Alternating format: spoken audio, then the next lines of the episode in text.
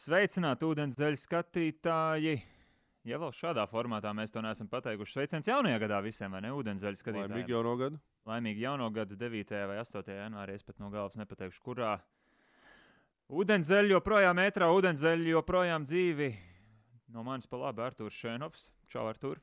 Čau, Reini. Ar mani vienā koplānā esi ticis, bet mums te arī sēž pagaidām, kā klusa pelīte, Edgars Buļs, kluba prezidents. Čau, Edgars! Vienmēr klusis, labvakar visiem. Un laimīgi jauno gadu arī no manis. Jā, šodien mēs esam tādā trijā. Mums divi, nu, mēs visi esam ģimenes cilvēki, bet divi ļoti, ļoti izteikti ģimenes cilvēki. Gunārs un Rudolfs arī jūs sveicina un arī grib būt kopā ar jums. Un būs pavisam drīzā nākotnē. Es sākumā uzprasīšu tādu jautājumu, vai kāds no jums diviem zina, ko jaunieši domā ar frāzi, ka tas šovs vai tas seriāls vai tā filma tā ir tik ļoti meta. Vai jūs zināt, ko tas nozīmē? Kūģi noteikti zināt šo. Nu, es man nav, nav, nav ne jausmas. Pagaidām, paga, papras mājās, tev Anna izstāstīs. Jā, Anna varētu zināt. Tas kaut kas tāds baigi. pf, Sarežģīts. Nē, tas diezgan vienkārši. Nav iedzērt. kaut kas baigi cool, tā kā nu, meta, Facebook, meta. Nē, tas nav kaut kas tāds. Nu, varbūt to arī var tā interpretēt, bet doma ir tāda, ka tas ir tāds raidījums, kas eh, nebaidās daudz runāt par sevi un pavērt no to ceturto sienu un būt atklāts par to, kā arī figurē kaut kādas lietas iekšpusē. Tāpēc nu, man arī, piemēram, cilvēki šajās dienās atgar prasījuši, ka, kas jums tur to zienas miegu, jūs esat iesaluši, kur man ūdenzēļi vakar prasīja, kāpēc mēs neizgājām ētrā. Tu vari atbildēt šo jautājumu, es tā jūtu. Met, meta stilā tikai. Mētas. Galvenais, gribam nomierināt skatītājus. Eh, Ūdenszeļi ir dzīvi. Astotā sezona turpinās. Eh, Bieži vien eh, nu, dzīvē notiek pārmaiņas. Kaut kur, kaut kur gaidīts, kaut kur negaidīts. Eh, Viss, visa dzīve tāda ir. Un, eh, ļoti svarīgi ir mācīt pielāgoties izmaiņām, jauniem apstākļiem. Eh, Varbūt gadu mijā mums eh, nācās eh, šo to saka, pārskedžulot, bet galu galā ūdenszeļi ir, ūdenszeļi turpinās, bet varbūt mazliet citos kanālos vai viss jaunais ir labi.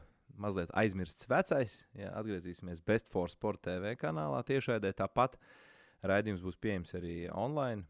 YouTube kanālā, tiesa vairs ne Best for Sport kanālā, es atvainojos, BCF kanālā, bet uh, Rīgas zeļu kanālā. Ja?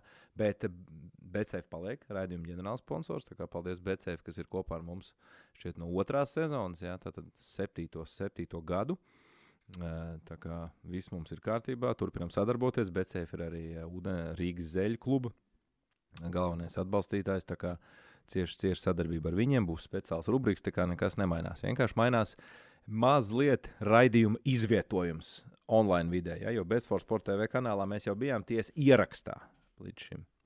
Piebildīsim. GPS mainījies. Ja? Jā, un, un vēl es gribēju pateikt, ka nekas nemainās arī ar pārējiem atbalstītājiem. Būs Sportlandes dienas jautājums. Garšīgo ūdeni dzersim, jā, 8,85. Garšīgākais, labākais ūdens. Jā, vismaz Rīgas zeļu saimē. Ļoti kā- garš ūdens. tā kā- ņem, ņem. Paldies uh, uzticīgiem skatītājiem, kas vēlējās mūs atpakaļ. Mēs jūtām interesi, jūtāmies gaidīti, nesagaidīti. Jā, kā Reina vakar, tu. Tā kā viss ir labi. Uh, kā Arī turpmāk, pirmdienās. Šī ir, šī ir podkāstu tips saruna. Šī ir podkāstu tips saruna jaunā, vietnē, jaunā mazliet vietnē. Tā kā esiet kopā ar mums. Ūdenszeļa ir dzīve, ūdenszeļa turpinās, un viss šī zeļu saime, gan klubs, gan raidījums, plaukst un zeļ ar katru dienu. Jā, nu tad tur, Meta.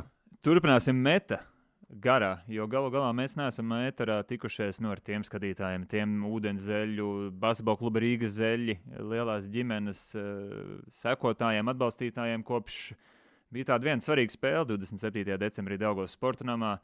Režisori palaidījuši labākās epizodes fonā, varam arī kaut kādā mērogā pagremdēties atmiņās, un es izmetīšu atklātai diskusijai, vienalga tev, Artur, vai tev, Edgars, kas jums šobrīd, kad jau pagājis kāds laiciņš, nu, nelieksimies, ir patīkami uzvarēt Latvijas lielāko brendu vīriešu basketbolā, VFRI komandu, lai arī Vēfiņš mums šoreiz piedod, ka mēs joprojām pie tā atgriežamies. Kas jums būs palicis nu, vismaz tagad? Vispilgtāk atmiņā tieši par šo vakaru. Nezinu, kā tā, kāds atsevišķs brīdis, kāda atsevišķa saruna, kāds sveiciens.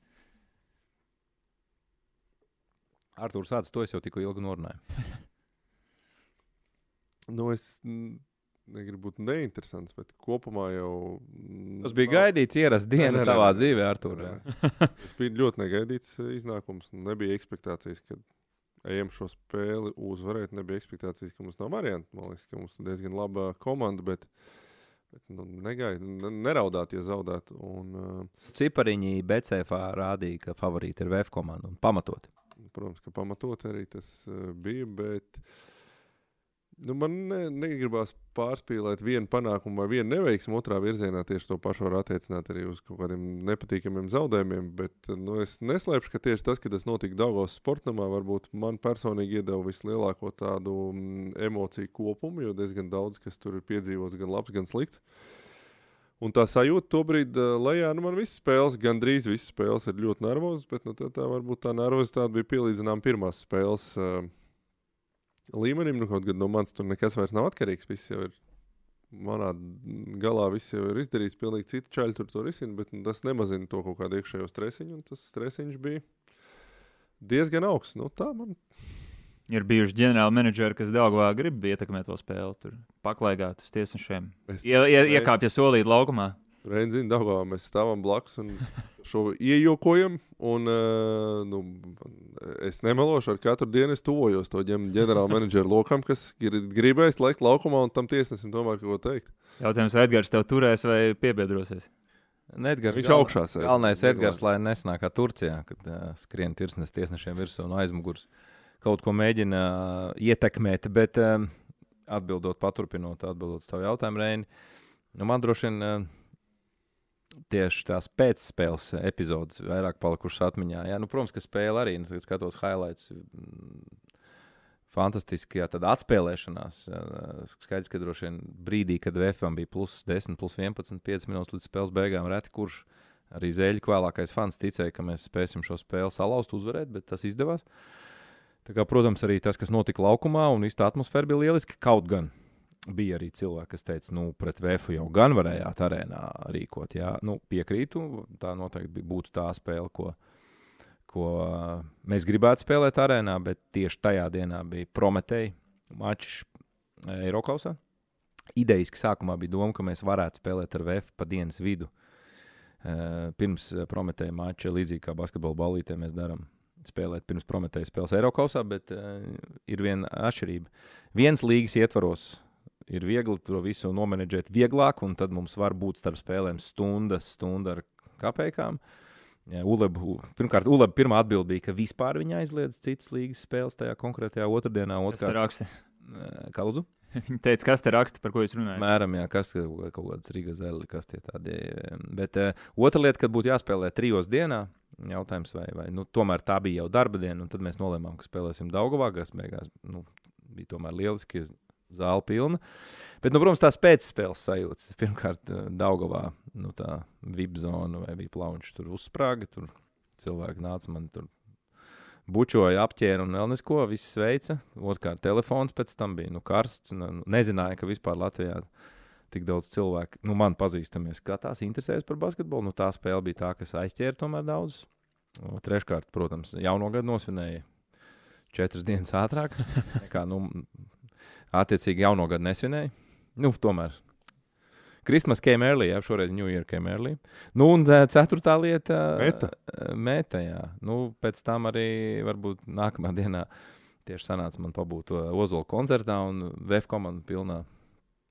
Pilnā, pilnā, pilna komanda bija aizgājusi šo koncertu. Un, Un tu viņus satiki. nu, nācās viņiem man sveikt, jā, nu, gribot, negribot. Līdz ar to arī tās sajūtas bija interesantas. Es biju vēl tādā jaunā gada svinību pēcdienā, jā, līdz ar to viss koncerts bija jautrāks, interesantāks. Nu, kaut kā tā man tās sajūtas palikušas atmiņā, bet e, gribu.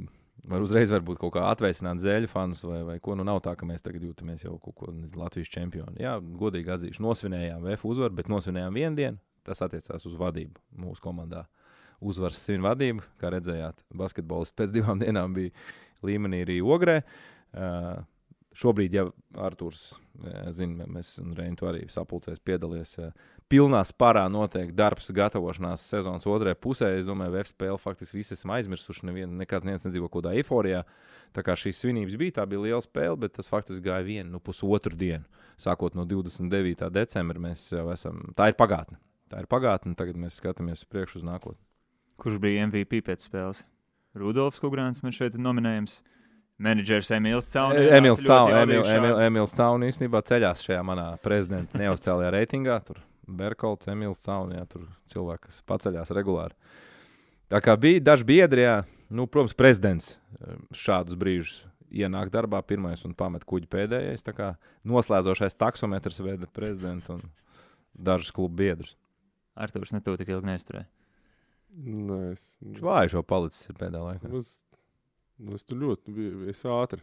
Šeit, kad mēs uh, atkal iesim uh, uz kaut kādu iestādi un mēģināsim atrast kukaiņu iznīcinātāju, vai kā viņi tur sauc. Kukaiņu pavēlnieku. Kukaiņu pavēlnieku, jā, ko mēs tur vienreiz atradām astoņos no rīta. Nu, viņš pats mūs atrada. Jums jāiztulko. nu, Būs grūti tas bija. Nu, ne, nevajag šeit, ne, nevajag, nevajag, nevajag. tas bija s- sabiedrībā pazīstams cilvēks. Diezgan tādā astoņrītīgā stāvoklī. Kukaiņu pavēlnieku Sev režīmā. Kurš sevi dēvēja par kukaiņu pavēlnieku? Viņš bija kukaiņu pavēlnieku režīmā. Es domāju, šeit Reinī, astoņos no rīta, apmēram, Neteiksim, kurš. lai paliek intriga. Par basketbalu klubu zeļi. Varbūt kaut kas ārpus scenārija, kāda mums ir sakāms, ja mēs ejam uz priekšu. Jo šodien mēs brīvlaikājam pa tematiem. Šis ir eh, podkāstu versija ūdens zeļiem, protams. Gan droši man kaut kas ir sakāms tādā, Saki. tādā ziņā, ka nu, mēs turpinām. Godīgi sakot, mums otrais, otrā sezonas puse būs mazliet savādāk kā pirmā. Jo mums eh, kaut kādas sastāvdaļas izmaiņas var būt. Turpinām tad diskusijas gan ar spēlētājiem, gan ar citiem spēlētājiem. Jo mums um, divi spēlētāji spēlē 3 pret 3 basketbolu. Un, un tagad ir pienācis tas brīdis, kad mums ir jāsāk apvienot. Tad mēs meklējam tos ceļus, kā tas praktiski notiks. Un, un tas ir tas galvenais akcents, pie kā šobrīd jā, jāstrādā. Tā simtprocentīgi līdz galam skaidrs nav un nebūs arī līdz viņi nebūs nospēlējuši uh, pirmo kvalifikāciju. Bet uh, nu, mums ir tāds, ne, man, tev, mums visiem kopā ir tā šobrīd tāds brīdis, kad tu. Gan, nu, es domāju, reti, kad profesionālos basketbola klubos ir tāda situācija, kad ir kaut kādas lietas, kuras tu vēl nezini, un tev jāgatavojas visiem scenārijiem un jāpieņem tādi lēmumi, kas, kas visos, visos scenārijos nu, tā varētu strādāt. Es te, atcerieties, ko es jums, ē, kolēģi, teicu pēc pēdējās spēles. Mūsu klubā vēl viena starpsezona sākusies. Nu. Jā, Tas mums pirmssezonā abiem sāksies. Pirmssezonas, teicu, sorry, pirmssezona, nu, vai, vai kā to. Off-se- Off-season angļu valodā. Nu, kā faktiski, nu, varbūt gluži 12 spēlētāji nav jāatrod, kāds bija jūlijā, bet, bet pāris varbūt jāatrod. Ir. Jā nu, pirms mēs neesam līdz galam ar spēlētājiem vienojušies par to ceļu. To mēs publiski arī neteiksim, kā būs. Bet, eh, nu, Džeki nekur nepazūd. Varbūt uz kādu brīdiņu tikai. Labi. Palākājam pa tematiem. Jo viens mums ir uh, negluži jāpalabo. Tobrīd mēs izveidojam tādu veselu rubriku, balstoties uz to, ka Andrzejs Pastačniks varētu uzspēlēt vienā komandā ar Dvaitu Hovardu. Atcerieties, uh, bija uh, konkrēta informācija, ka Palencija viņam ir izteikusi piedāvājumu. Tas joprojām, starp citu, nav izslēgts, ka viņš tur varētu teorētiski nonākt. Bet kā es palūkšu, Zēja Pinēro viņiem viņa. Es epiņu eiro ieņēmu viņa vietu, jau nospēlēju vienu spēli kopā. Kā es palūkšu mūsu mākslīgo intelektu, mūsu dzinējspēku, Misteru V, paziņot ar tādu vienu grafiku. Lūk, Dvaits Hovards, Supermens ienāca sēkā. Starp citu, arī bija publicējis video, kā viņš ir piezemējies Filipīnās. Ir pievienojies Filipīnu komandai. un te Paciešieties līdzi man, jo man arī tik vienkārši to nav vienā teikumā nodefinēt. Filipīnas komandai Strong Group Athletics, kas piedalīsies 33. Dubajas starptautiskajā basketbola čempionātā. Cik, kur notiks čempionāts? Notiks Dubajā? Dubajā, es tā esmu sapratis. Oh. Kas, viņš pagājušajā gadā bija martā, tagad februāra sākumā būs tāds izslēgšanas spēļu turnīrs. Cik es paskatījos viņiem Instagramā, tur, piemēram, spēlējas ar Sīrijas izlase. Tur spēlē Marokas čempioni, tur spēlē komanda no Libānas, Beirutas, uh, Al-Rijadi. Un eh, nu, šī Filipīnas komanda ir nobriņējusies pagaidām ar Dvaitu Hovardu, Andreju Blaču, Andreju Robersonu. Andrēs Bačs, kas Filipīnu izlasē spēlē un NBA Mhm. mazliet spēlē garais. Robertsons, kas Oklahomā. Ja? Tas, kas bez metiena tur stāvēja stūrī. Fanzī viņi varēja ņemt, jo viņiem stila bloku bija daudz. atceros. Jā, jā, jā rīktīgs aizsardzības spēlētājs. jā. Eh, Tā kā par šādu karjeras soli ir izsvēris veikt Dvaits. Un kāpēc es to paceļu? Tur, kur mēs jau varam kaut ko mazliet pamuldēt un paspriest, un, un, un, un vienkārši kaut kādā mērogā arī iepīt eh, savu pieredzi. Eh, Es zinu, ka Edgars labi zina, piemēram, mums ir viens aģents, kurš šo sezonu tā diezgan konkrēti sūta uz e-pastu savus vēstules. Nu, varbūt nesauksim viņu vārdu, nesauksim viņu tautību. Un, e, tur ļoti bieži ir tāpēc skata interesanti spēlētāji. Un es tieši šodien speciāli vienu e-pastu atvēru, vēlreiz apstājos. Interesants garais spēlētājs, viņam karjeras CV ir šāds, piemēram, Kuveita, Tas The Basketball Tournament, kurā vasarā cīnās par miljoniem dolāru ASV, Mongolija, The Basketball Tournament, Taivāna, Dominikāna, Japānas B3 līga, Japānas B3 līga, Bahreina, Taizeme, ASV zemākā līga, Horvātija un tad koledža. Tas ir viens sezonas ietvaros. Nē, nē, tas ir viņas, ka, viņa karjeras es sapratu, gājums. jā. Es saprotu, ka tu gāji no otra gala. Tad Jā, jā, no tad nesenākā. Horvātija viņš aizbrauca, saprata, ka kaut kāds treneris uz viņu sabļāva. Viņš teica, ka viņš to vairs negrib. Ja? Jā, varbūt. Un, Potenciāli. Vēl viens džeks. Nu, ļoti grūti izsvērt, vispār, ko ar viņu iesākt. Piemēram, Dominikāna, Libāna, Bolīvija, Mongolija, Irāka, Irāka acīm redzot, iepatikās. Eh, Vidus rietumu profesionālā basketbola asociācija, Meksikas klusā okeāna piekrastes līga, Irāka, Bolīvija un koledža. Un kā mēs šo tematu varētu ievadīt? Es domāju, daudz mūsu skatītāji apzinās, par kuru mēs latviešu basketbolistu varētu runāt, un tagad spiest ar turam, lai viņš sauc kaut kādas summas.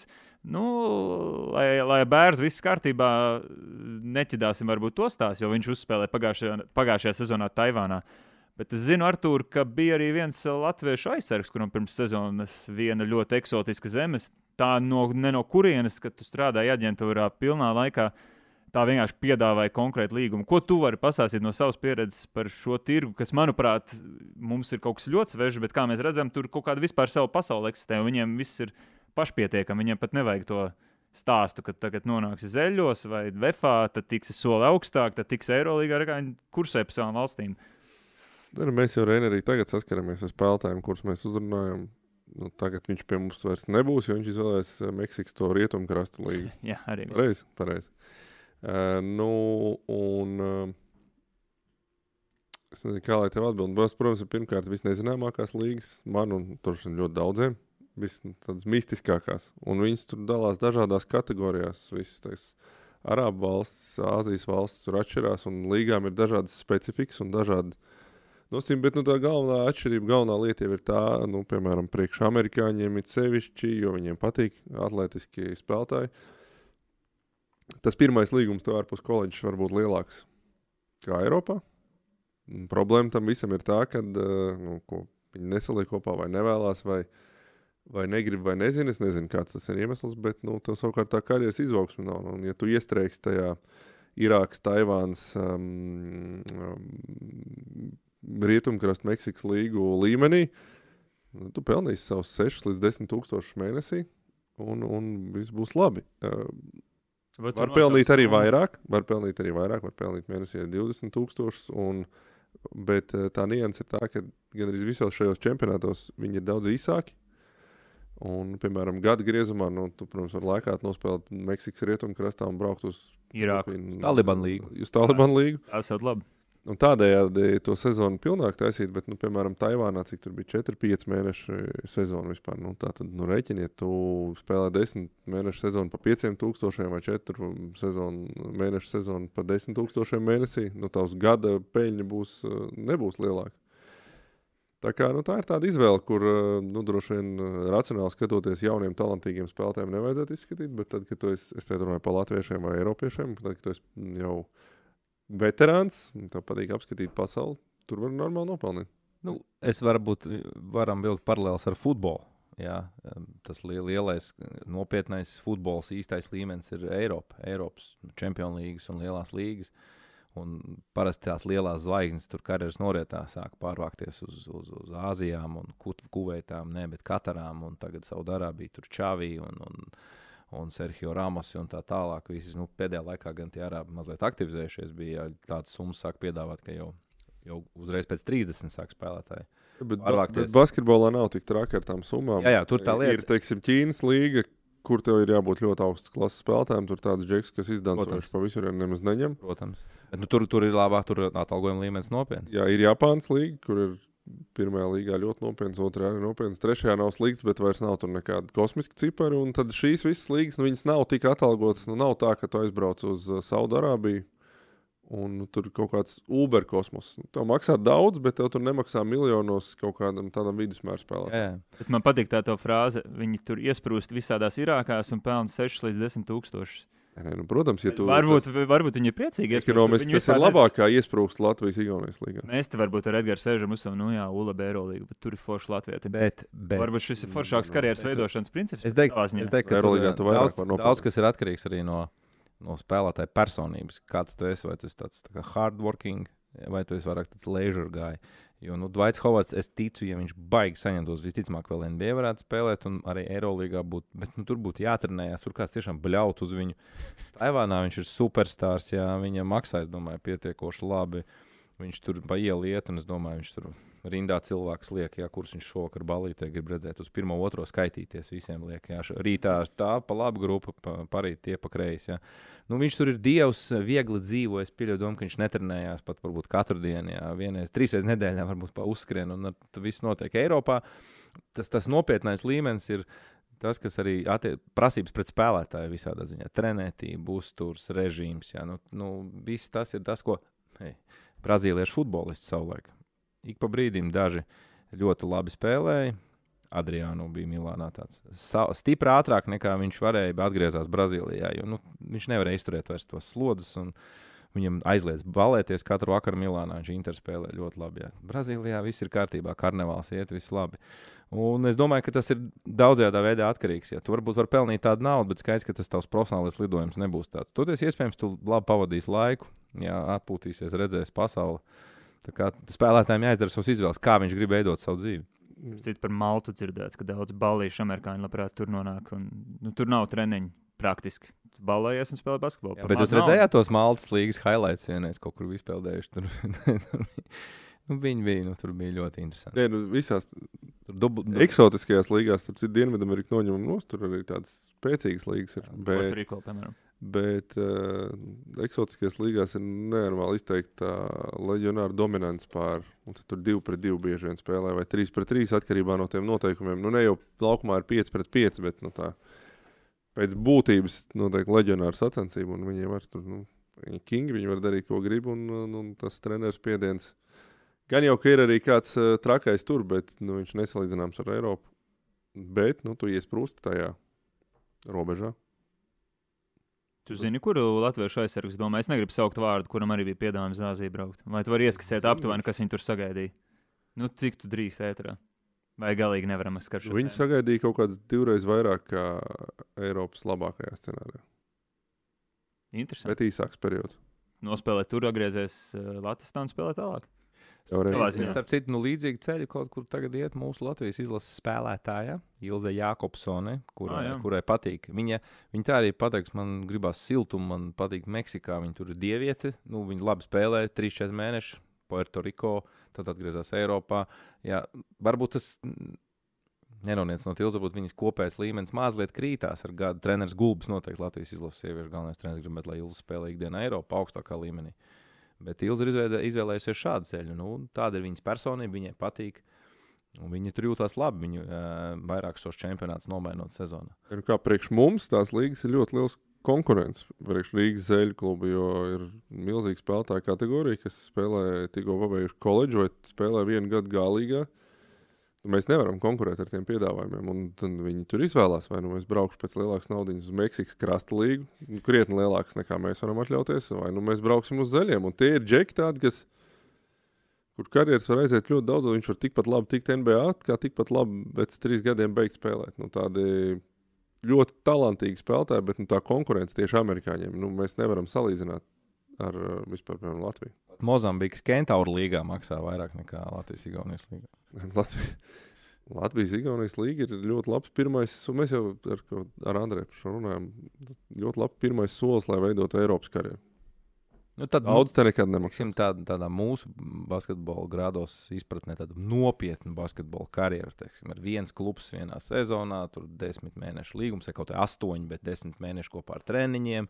Nu, tāda kārtīga sezona ar, ar atbilstošu komandas spēli. No, nu, respektīvi, tā kā mēs to saprotam, tāds nopietns basketbols. Ja, godīgi sakot, no uh, amerikāņi tieši spēlētāji, es, es uzskatu, ka diezgan cieši no tā, ka viņiem ir amerikāņu aģenti Un, uh, nu, viņiem grūti, viņi, nu, cieši, nu, daudz jau to saprot, un arī mums daudz dod tās ziņas, ka, nu, protams, ka viņam loģiskāk būtu braukt pie jums, Bet man viņa grūti pārliecināt, ja viņš pastāsta termometrā un tur ir mīnus 17, un viņam maksā divu pusreiz mazāk naudu nekā braukt tepat uz Meksikas uh, līci uzlaist, bija viņa uzgriezt basketbolu.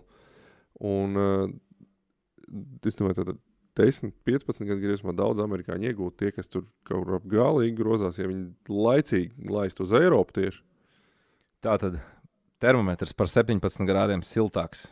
Maciņā pa 17, iespējams, Tādiem tūkstošiem. 17, tur ir plus 20, un mums ir minus 17. Nē, nē, viņš pie analoģijā runāja. Ah. Apmēram, jā. Ok, ok. Un vēl marihuāna legalizē. Jā, Kāda Latvijas? un tu dzīvo karteļi kaut kādā villā. Tur, ne, tur pēc desmitiem nevar nopirkt alkoholu. kas Kāpēc man jābrauc turienes? Bet interesanti, nu, tas tīri izpētes ziņā būtu baigi interesanti pabraukāt, paskatīties. Nu, tīri, ka dzīvē ir daudz ko darīt, bet es gribētu vienreiz izbraukt tās visas līgas, iepazīt, apstīties kaut vai uz trim dienām katrā. Jo bieži vien nemaz nevar atrast tādu reālu video internetā. Nu, Sīrijas Bet basketbolu. kā tu domā, ar tur varētu tur atrast uh, mums tādu labu, noderīgu arī spēlētāju kadru? Vismaz kādu jau varētu. Droši vien, jā, vienkārši mūsu darbs ir apgrūtināts tajā izvērtēšanā.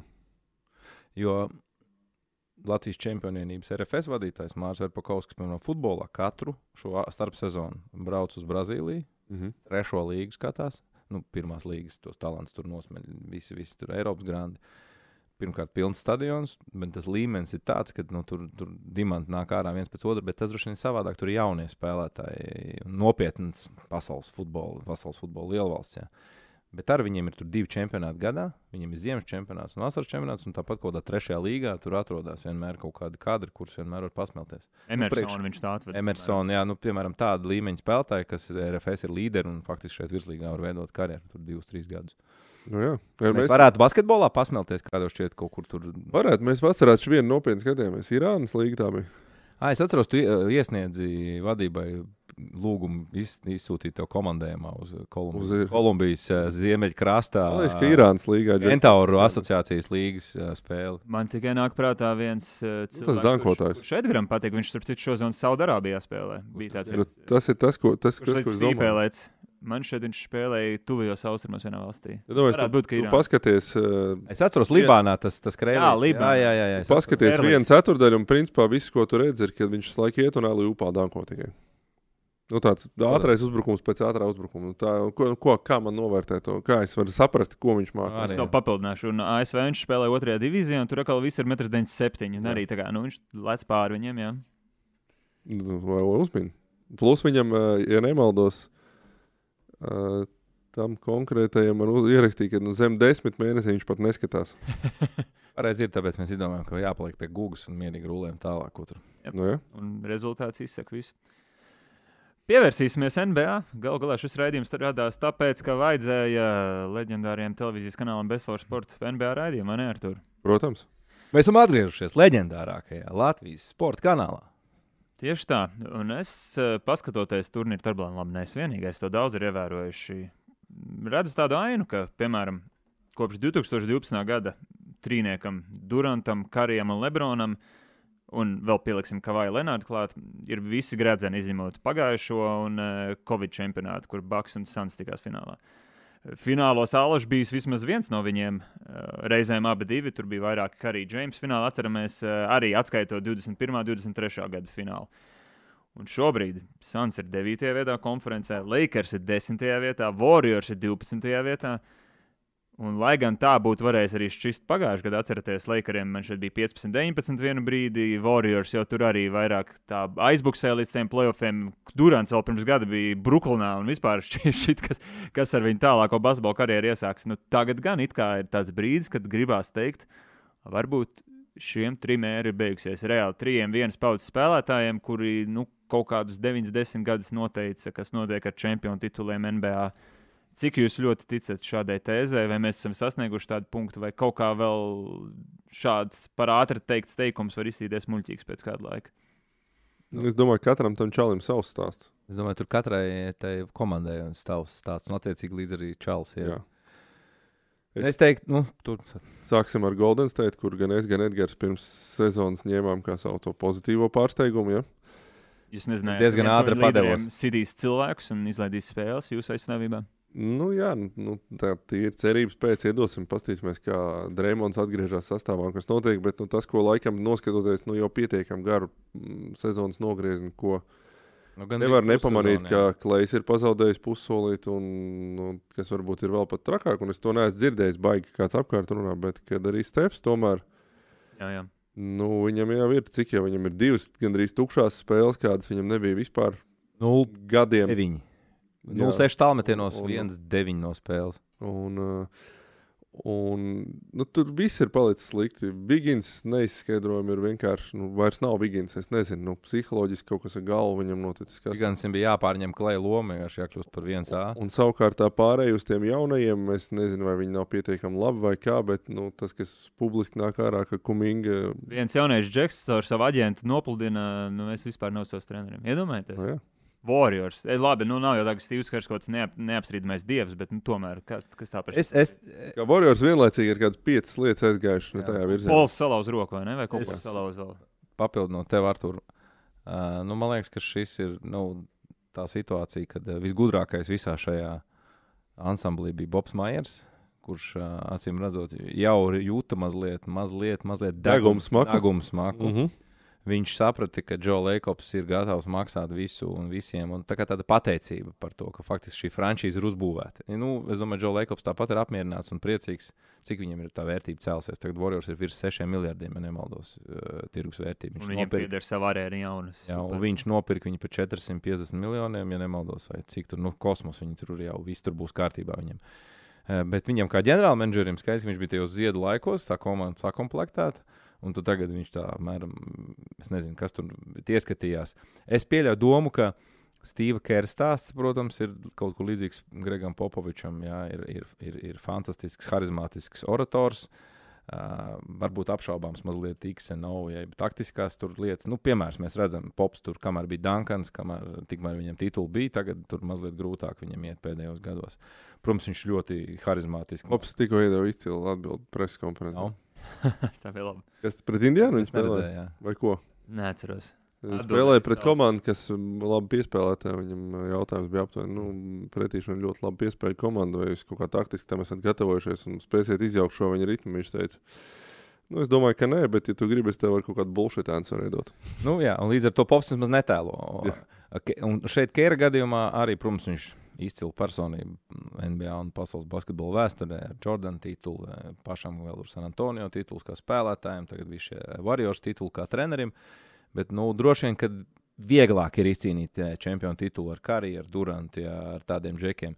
Tagad, kad faktiski viņam ir jāceļ ārā savi, savs treneru talants, jā, kur paliek grūtāk, nu, redzam, ka ir iet, iet grūti. Un Klejs, es domāju, tajā brīdī, kad viņš jau pirms diviem gadiem sāk rādīt, ka viņam, kā viņam neiet, kā viņam kāds kaut ko saka stāstīt, tā viņš to ceturto pirkstu rādīja, kā viņam t- cik tos titulus skaitīja. Drēmons arī vairāk jau, man liekas, tur pa podkāstu domā, vairāk tāda slavenība, un tagad viņš ir upuris jau pasniedz, redzējāt, tur bija inter- interesants tāds. Raudājis vairākās Nu, sarunās. nu, Es jau gribēju iet projām, Silvers man pierunāja. jā, jā, nu, īsāk sakot, ir, viss tur ir tā dabīgi iet uz grunti. Jautājums, ko, ko izdarīs Golden State vadība, vai viņi tiešām tādu klēju aizmainīs. Ir laiks vēl, jā, cik mums līdz tam trade deadline. Nu, tas būtu tāds pirmais risinājums, bet, bet skaidrs, ka tur titulu nu, visticamāk šim, šim nebūs. Ja tur kaut kas ir jāiemaina ļoti liels tur kariem. Nākamajā gadā mēs runājam par nākamo aiznākamo gadu. Tā kā es domāju, tāds likumsakarīgs beigas, nu, vienmēr sakot, tā dzīve bija tik skaista. Un varbūt tādā nepavēl, tomēr Džerijs Krauss kaut kur ir ģēnijs. Džerijs Krauss jūta, ka uh, faktiski Bulls dinastija iet uz beigām. Viņi 99. gadā nebūtu vinējuši titulu. Vismaz tajā sastāvā noteikti tur būtu jāstāj Jordans un jāpieceļ kaut kādi jaunie klāt. Jordans taču tajā lokauta pauzē iegriez sev pirkstā ar to cigāru nāzi. Viņš fiziski nebūtu varējis uzspēlēties. Tā tad uh, faktiski viņš jau jūta mazliet iepriekš. Tā ir tā laba ģenerāla menedžera pazīme, ka, ok, nu vēl pēdējo viņi izlīd arī tajā fināla sērijā. Nu, tur viens pats Maikls tur brīnums sataisīja. Jau tā komanda plīs. Un, un, faktiski tas pats notiek tagad, tikai nu, menedžers problēma? aizmuka. Viņš jūt, ka kas jābraucina kopā, viss, bet nekas tur nesenāca uzcelt vairs. nav tik Tikai viegli. kopš tiem laikiem, izņemot īstu Derika Rozu nogriezni. Nu, redzat, veči nav tik viegli uzcelt. Nav, varam, varam vilkt paralēlus. Varam vilkt paralēlus. Bobs Maiers kaut kā, kāpēc viņš par aizgājienu, kāds tur iniciēts. Bet, It kā reāls, reāls cilvēks bija izsmelts un nogurs. nu, arī, nu, kā, cik astoņas gadus no vienas finālā. Redzēju, nu, viņa jau no amata. Nē? Vašingtonas komandieris, amerikāņu futbola ģenerālmenedžers. Nu, tie, kas agrāk bija Vašingtonas Redskins. rasistiskais vārds. Nu, to. Redskins. Aha. Let's go, Redskins. Kā tas, es domāju, par Golden State mums visvieglāk atbild. Nu, tur tiešām viss ir beidzies. Jautājums, kā viņi šo situāciju atrisinās. Vai tiešām Leikops dos zaļo gaismu? Jā, paldies, Klei, par četriem tituliem, bet kaut kas mums ir jāmaina. Ok, labi. Vai es paprocēšu jūs tā. Vai nav sasniegta arī karjeras fāze, kad Lebrons visticamāk vairāk var domāt par to, kā un uzspēlēt ar vai pret dēlu, nekā viņš par kaut ko cīnās. Arī tāda pozīcija, kur caur presi tiek lobēts, ka treneris ir kā vainīgs. Ir. Es gan daļēji. Es, tā, ka ir tie slavenie 4-5 gadi, kad Lebrona komandas saka, izsmeļās. Varētu būt, jā. Vai Psiholoģiski, vai kā tas ir vien fenomens- kas būtu jāizpēta. Bet nu, tad nu, kopsakarība ir jau nu, ceturto reizi pēc kārtas paplašināts. Man tikai fascinē, kā, kā Lakers, nu, kad tiešām viss slavē viņus par off-season. It kā nu, tur labi, te gudrs tās parakstīšanas veikts, bet nesaprotam, es nesaprotu, kāpēc Rasels nāk no beņķa. Man tur pāris lietas nav saprotams. Un tikko komanda vēl vinēja tajā mm, pirmajā kausā. in Vinēts kauss, viss jau labi. It kā tiešām viņi labi spēlē. Vai jūs dzirdējāt, viņi ir noguruši no tā kausa joprojām. Nevar saņemties nākamajā Tā viena ekstra spēle bija grūta. Visi ir noguruši. Es domāju, no es domāju, šeit tas ir. 83. sezonā 100 Es punktus. domāju, tas, ko tu saki, šeit Lebronam ir talants, nu, kaut kādā veidā mazliet drēnot cilvēkus. Ja visi tie spēlētāji pie viņa paliek lomas spēlētāji, un man zina, kāda bažas. Jānis te pēdējā laikā viņam mazliet seko ar visu izteikumiem. Dzirdējāt, jā, ka visi, Ū, viņš tāds visi, visi palika, visi slikti. DKB menedžers ne tā formas mazgājot. Tāpēc viņam tur slikti spēlējās. Nu, kad tu kaut kādā savā tajā egocentrismā, kad nu, tu esi tur MVP un monstrs un meklē visu rūtis kaut kur citur. Un tā ir pirmā pazīme, ka, ka slikti beigsies. Es tam citu iestarpināšu ātri. Helmuts un Anna prasa, kāpēc mēs ejam Rīgas zeļu kanālā. Jo mēs esam Rīgas zeļi. Jā, saistīts, saistīts, saistīts lietas. Rīgas Jauns zeļa gads, radās, Rīgas zeļa radās no ūdenzēļiem. Ūdenzēļiem nav savs YouTube kanāls. Nu, jā, pareizi. Phoenix. Joprojām neveseli. Bet vieta. Phoenixai no visām šīm trim komandām es dotu man lielākās Jā, Es tieši, domāju, ka- es tieši domāju, ka kurš vispār ir viscerīgākais no bezcerīgajiem. Pirmkārt, tur Durants joprojām ir, ir visu laiku monstruālākais no visiem, un uh, Bills ir savā primā vispār, tajā, nu, teorētiski vecuma ziņā, spēles ziņā. Bukers ieiet primā vai ir primā. Nu, teorētiski, jā, nu, viņa tas sastāvs jau nav nemaz tik slikts. Viņi vienkārši var būt veseli, varētu būt ilgāka perioda. Viņi vispār ir veseli bijuši tur. Cik... Bet nu, kaut kas tur arī nekurbulējās. Tā, Un vispār tie big- Tas bija interesants. Tie Big 3 vispār eksperimenti, nu, reti, kad izdodas, ja mēs tā paskatāmies tā objektīvi.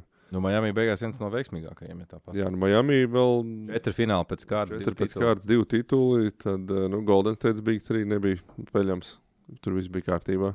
Tur jau pat četrnieks bija. Bet, eh, starp citu, cik zīmīgi nu. ņemsim vērā, ka savā ziņā Jā, mēs varam vainot Lebronu un eh, nu, vain, vienalga vainot vai izcelt Lebronu un Durantu kā tos, kas izveidoja šo čupošanos ēru. Nu, tas savā ziņā arī raksturo viņus visus trīs, šos trīs cilvēkus, kurus nosauc. Karijam gan tas notika sakritības dēļ, viņam Warriors izcili draftēja un dabūja Durantu pa brīvu beigās.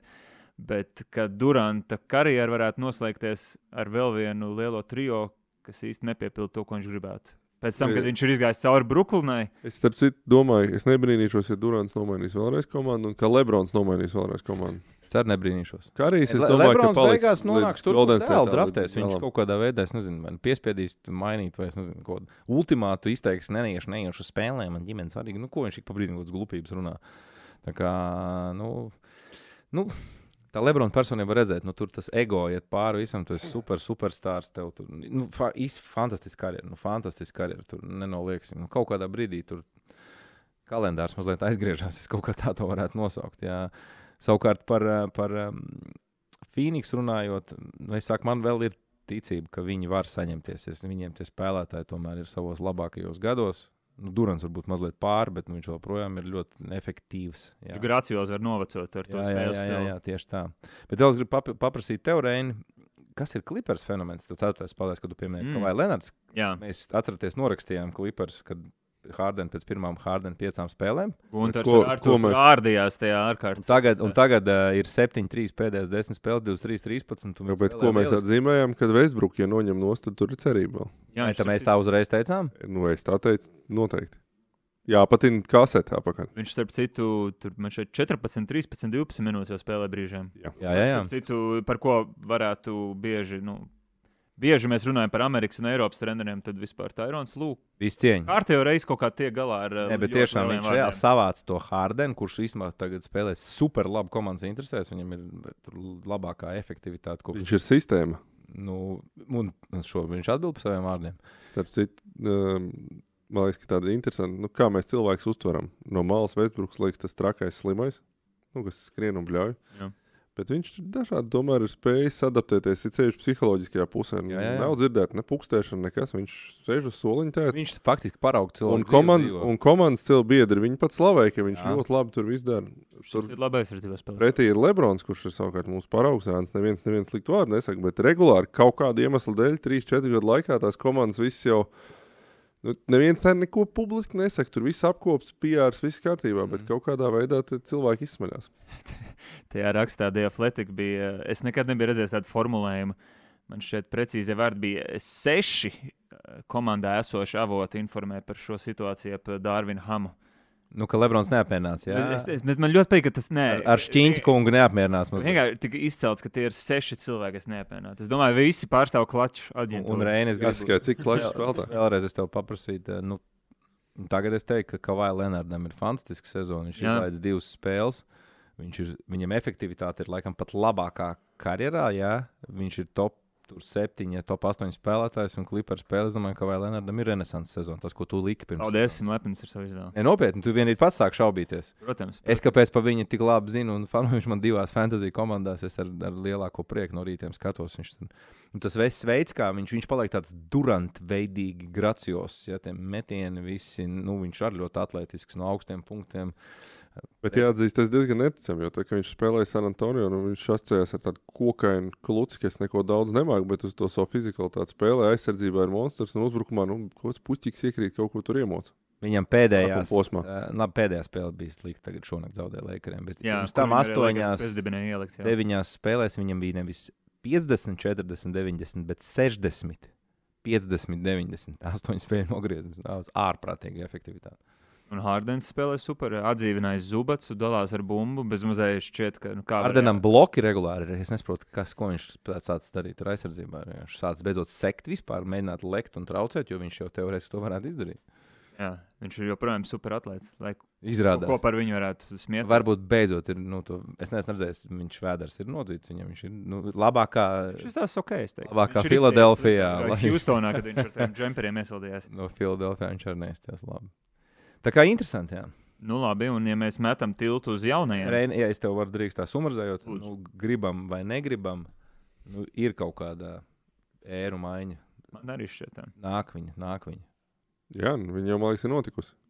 jo Tagad tikai vajag laiku, lai tie tituli citiem Tās sakā. līgas sejas vēl projām ir Lebrons, Karijs un, un Durants. Nu, vēl nevaram teikt tā, bet viņa notiek. Nu, galu galā kopš 2018. gada MVP ir bijuši tikai Jokic, Jānis, Embīts. Es teiktu, lai gan, lūk, arī man šeit izcils piemērs, ka teorētiski viņi ir bijuši labāki spēlētāji par visiem nosauktiem. Nu, tieši šajā nogriezienī, ne jau pirms tam. Bet uh, pasaulē basketbols joprojām saistās ar tiem iepriekšējiem. Lai gan viņi ir eh, labākie līgas spēlētāji, viņiem ir 23. gada tituls. eh, Man liekas, tiem diviem Eiropiešiem ir problēma. Jo, nu, viņi ir. Nu, Jokic ne pat nevēlas būt marketējams. Jā, Viņš kaut vienkārši zirgu sacensībās. Viņam tas jā. ir iebjās. viņš pateica, kāpēc mēs par esam slavens un man tagad zinās cilvēks, nevarēšu uz veikalu aiziet. Nu, tā, kad viņš varētu būt. Tā, es viņš domāju- izteicās, atceries, ka viņš Jā. pēc Jā, karjeras jā. gribētu būt, lai viņu neviens nepazīst. Un es domāju, ka priekš Amerikas tirgus tā ir milzīga problēma, un, bet es domāju, ka viņi tas nesatrauc tieši necik. Uh, savukārt Jānis uh, tā kā vēlās būt marketējums, bet nu, tas viņa spēles stils ir. Nu, Tarantā tipa uzbrucējs. Nu, viņš nav ne gracijos, ne tāds super skatāms. Mihāls Vīts- Mikolaps. Vīts Rimkus. Nē. Tarantā tipa uzbrucējs. Vīts Mikls tāds tehnisks. Vīts Latvijas. Tarantā. Kājiņa pielika tikai mācīja. Jā. Bet meistarīgi, ka pielika kājiņa, tā gols bija viens Jā. pēc otra. Kā Rūts un iztaurojas. Mēram. Uh, kāpēc es pieminēju jaunos? Kurš, jūsuprāt, nākamais piesakās pie šīs grupas? Jo šie arī ir no agrījos 90. dzimuši, vai 90 no vidū. Neteiksim, ka viņi paliek veci, bet uh, vai jūs uzskatāt, ka šiem, šim trijo tagad ir pienācis tāds laiks, kā bija Durantam, Karijam un Lebronam? Vai to var pajaukt? Un šī nav tāda m- masa, kas tagad pārvaldīs vēl 4-5 gadus. Es domāju tieši par SGA, par Luku, par Haliburtonu. Nu, nu, divi džeki, kas es gribēju teikt, viens džeks, bet nu, skaidrs, pirmkārt, man liekas, ka Luka, Luka savā nu, stārdumā, tajā zvaigžņu. Zvaigžņu, zvaigžņu pievilcībā, vai kā to, sā- kā to nosaukt. Nu, es teiktu, ka viņš jau ir tur augšā. Nu, Luka ir tāds nu, pasaules, nu, globāls atlētājs. Faktiski nu, viņš nav Lebrons, varbūt, un tur Messi, bet nu, Dončičs ir tāds, nu, ko meitenes arī zina par sevi. Varbūt viņš tur nav tur pats ar tur graciozākais, kā to ņem. Citi Nē, nu, bet viņš tās viņu zina. tehniski. Viņus, nu, Luka ir slavens. vienkārši mauc. Slavens tiešām Ja pa grāts globāli. rezultātu. Un, un Luka šogad, man liekas, spēlē arī fantastiski. Viņam ir arī atvērusies kaut kāda jauna čakra, un mazliet arī tur viņš tās ķermeņa aprises viņam veselīgāks izskatās. Bet tas viens nākamais žeks, kas man liekas, kas varētu visā, visi, visi, visus tos boxiņus At, at, apdzīt. jā, no SGA, viņam tikai vajadzētu kaut ko vinēt un agri vai vēl nonākt lielākā tirgu. Jo faktiski viņš ir nu, tuvu pie diviem metriem. Atletisks, skatāms, fizikāls. mm, Var laukumā izdarīt visu.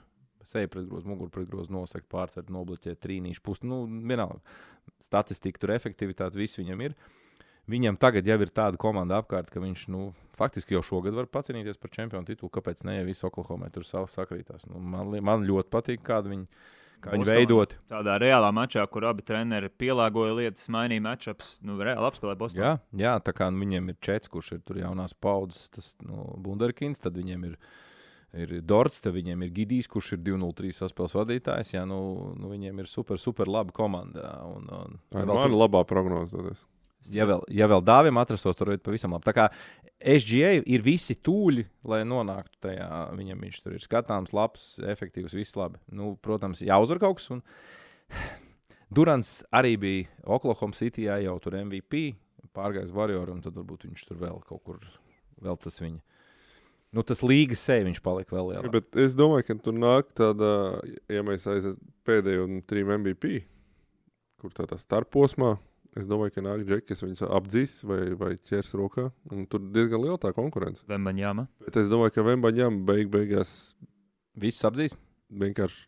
Nu, ar saviem tiem soļiem viņš aizkāps garām. Viņa tā pagaidā, nu, kāpēc citu planētietis te pārkāpj pāri. Jo, nu, vienīgais jautājums, cik laiks viņam paies, lai tu tajā stardumā, superstardumā ieiet, ir jāsaka, kas vinēt. Nu, 5, 30 pagaidām ir ļoti bēdīgs skats. Nu, vai, vai kas viņam vajadzīgs, ir vēl kāds tur spēlētājs, kas palīdz, vai viņš viens pats varēs to visu vilkt vismaz nu, līdz tādam, kad viņi tur ir top 4 komanda savā konferencē. Bet es domāju, ka tajā tādā lielākā laika nogriezienī Viktors visiem tulīt aizsoļos garām. Es tev piekrītu, jo pirmkārt tādā globālā atkal atpazīstamībā, zvaigznes, zvaigžņu, tas at, vārds atpazīstamība.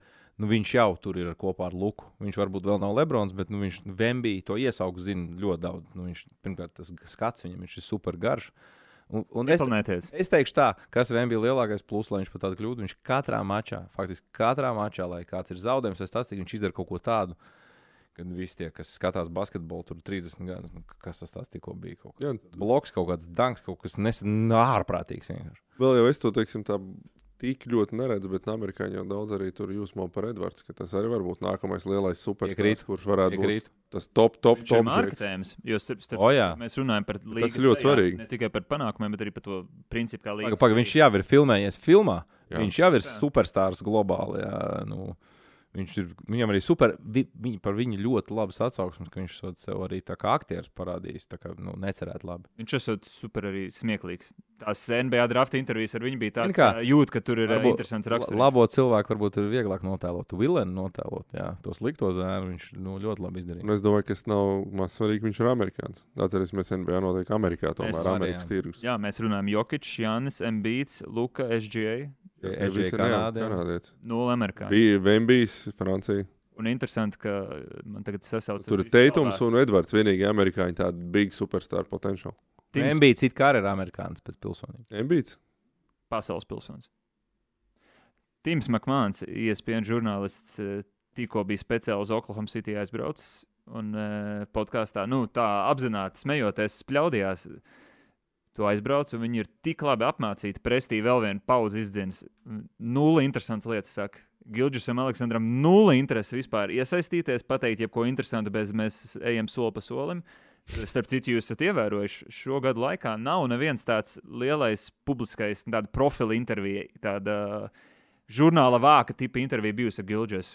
Pilnībā anonīms neesmu redzējis. jā. Jūs kaut ko varat pateikt par viņu vispār? Tas, tas laikam ir vienīgais viņa mīnus, ja es teicu, ka viņš tos visus, visus ķeksīšus jā, visās, visās eh, boxiņos atzīmē. Tad jā, viņš tiešām nav pārāk, viņš ir mazliet pagarlaicīgs, lai kāds Lebrons būtu, bet viņa, viņa tas lielākais plus un mīnus, mīnus no tā, ka viņš atšķirē komandas, plus ir tas, ka mums visiem ir par ko parunāt. Viņš atkal ir mm. kaut Mhm. ko pateicis, kādam kaut ko, nu viņš māca intervijā pateikt kaut ko dziļāk, tad māca kaut ko pasmiet, nu kaut viņam ir personība. Es teiktu, ka Lukam pat ir ļoti tāda interesanta personība. Bet man liekas, ka Vembijs gan ir interesants. Jā, viņš ir. Jā. Vembijam ir kaut kas tāds, ka viņš iemācīsies vēl, vēl labāk runāt. Tur būs, būs spēlīgs. Domā, San Antonio bija salauzījis? Nē, es domāju, Neinteresantumu. kā mēs redzējām situācijā, kad Popovičs uztraucās par visām varītēm par savu nākotnes zvaigzni un apelēja pie publikas, ka mēs neizsvilpjam kavāju. Ka tas jau gadiem ilgi notiek, un tagad viņš pēkšņi to dara. Es domāju, tā ir pazīme, ka spērs arī mazliet lūst un Mainās. izdabā. Jā, nu pielāgojas jaunai ērai. Jautājums jums ātrā prognoze. Vai Vembijs paliks spurs pēc sava rookie līguma? Jā. Jo viņam vienkārši ir tas Max extension, vai viņš Mm. kaut kādā 7, 8 gadā varētu kaut kur kustēt, bet es domāju, tik ilgi viņš, Varbūt viņš es- pārāk es- apmācīts. Viņš jau uzreiz aizskries kaut kur. Jā, bet Vembijam neviens vēl nav atcēlis to potenciālo traumatismu. Nē, nu Vembijam vēl ir lieta, ka viņš, viņš kaut kādā Laka Los Angeles, viņš tur var filmēties Space Jam 3 un to slikto tēlot. Bez, bez grīma. Šona Predlī, Nu, filmā. Nē, nu vienkārši tēlot to viņš ciklonē. Jā, jā, to, kas bija Bredlīs. Viņš pat nav jāgrib. nē, Bredlijs jau bija. Redlīs jau bija labais. Nē, viņš Viņš monstrs. Tas monstrs, tas, kas Nē, Bredlīs ielidots. bija Monstāros, pats garākais. Nē, Bredlīs nē, viņam atņēma. Viņam Jā, jā, atņēma bet viņam talantu. atņēma talantu. Bet, viņš, Bet Vembijam pat nav talants. Jā, viņš vienkārši pārstāv. viņš ir tas monstrs. Viņš varētu ielidot. un- Bez maskas un grīma viņš spēlē. tā Viņš arī Ja centra. monstri ielido, viņi atklāja, ka viņiem viens jau savu viņais, jau NBA spēlē, viņiem vēl četrus vajag aplasīt. Pateicoties Vembijam, Space Jam 3 uzvarēsies sliktie. Jā, beidzot. Labs. Kurš tikai būs tas uh, galvenais, labais varonis? Tur varētu būt Edvards, piemēram. Edvards izsauc, jā, Nu, bet nu, pa īsu šoreiz, sorry. Bet viņš var dankot pāri, un tas patīk. Īsāk sakot, Amerika caur Vembiju prizmu atzīst, ka mēs padodamies ne Jūs- tikai basketbolā, bet filmās arī. Jūs redzējāt uh, Vembiju un Jāņa sadursmi? Tikai highlights, bet Kristapa un nē, to epizodu es nezinu. Nu, Redzēju, man ar lielu pasa basketbola pasaules daļu bija tā, tāds, nezinu, kas notiks tad, kad Jānis viņu taranēs. Kas nenotika? Viņš viņu taranēja un dabūja garšoku. Bet labi, spēles laikā viņš dominē. Ok, bet uh, nebija tā, ka Starp citu, runājot par, Vem- runā- runājot par Vembiju traumatismu, vai jūs esat redzējuši, nu, pirmkārt, gan jau, ka esat viņa workout video ar špagatām uz abām pusēm. Triblēm. Jā, otrs, redzējāt, kas notika ar viņu potīti vienā situācijā, kur aizgāja pilnībā. Viņš vienkārši tur ielika viņu vietā, paskarbinājās un skrēja tālāk. Es teiktu, ka Vembijs, tas, ko tu minēji, ka viņš faktiski zinātniski ir gatavots. Viņš tur, liekas, ēd, dzer, nu, ko vajag. Viņš tiek trenēts tā, kā viņa ķermenim vajag. Nav Es domāju, Bet nu, tur jābūt arī ģenētikai. Tur viņa- Cik zinātnē Protams. grib gatavot, ja tev nav ģenētikas, tur nevar. neko. viņa plastiku un, un sagatavotību mēs esam, es domāju, mēs nezinām. Viņš, mēs domājam, viņa tie griezti ir augstāk nekā mēs domājam. Viņš izskatās super trausls. Ja, nu, neviens jau protams. neticēja, atcerieties, kad Lebrons ienāca līgā. Neviens neticēja, ka tāda masas jaudas un ātruma kombinācija arī nu, Faktiski neplīsīs. 20 gadus bez nopietniem sāpēm, nu, bez tādiem ļoti nopietniem Jo, sāpēm. jo tā bija saruna par Lebronu viņa karjeras sākumā, ka nu, ar tādu jaudu nu, varētu būt traumatisks. Neatceros, viņš tā kā, nu, varbūt jau. Vai Sūs Helmans lec no sodiņa? Tā Zajon gan bija lielāks. ceļš taču var? Nu, Jā, Zajon, viņš darīja, jā, Un nē. Zajonam arī ir traumas. Zajonam pamatot, bet, nu, atšķirībā no Zajons no Lebrona. Ja vēl sāk no sodiņa danko, tad Latvija arī te visi domāt, kas. Lebrons ienāca, viņš tā, ok, man vajadzēs diētu, Zajons ienāca, nu, ok, man Burger King vajag atpakaļ. Es esmu ticis NBA. Burger King diēta. Runājot par uh, tiem, kuri šobrīd ir norakstīti zvaigžņu sarakstā. Nu, Zajons. Jā, uh, Helmuts prasa, vai Grizzlijiem nevajadzētu vispār šķirties no Džamaranta par šādiem.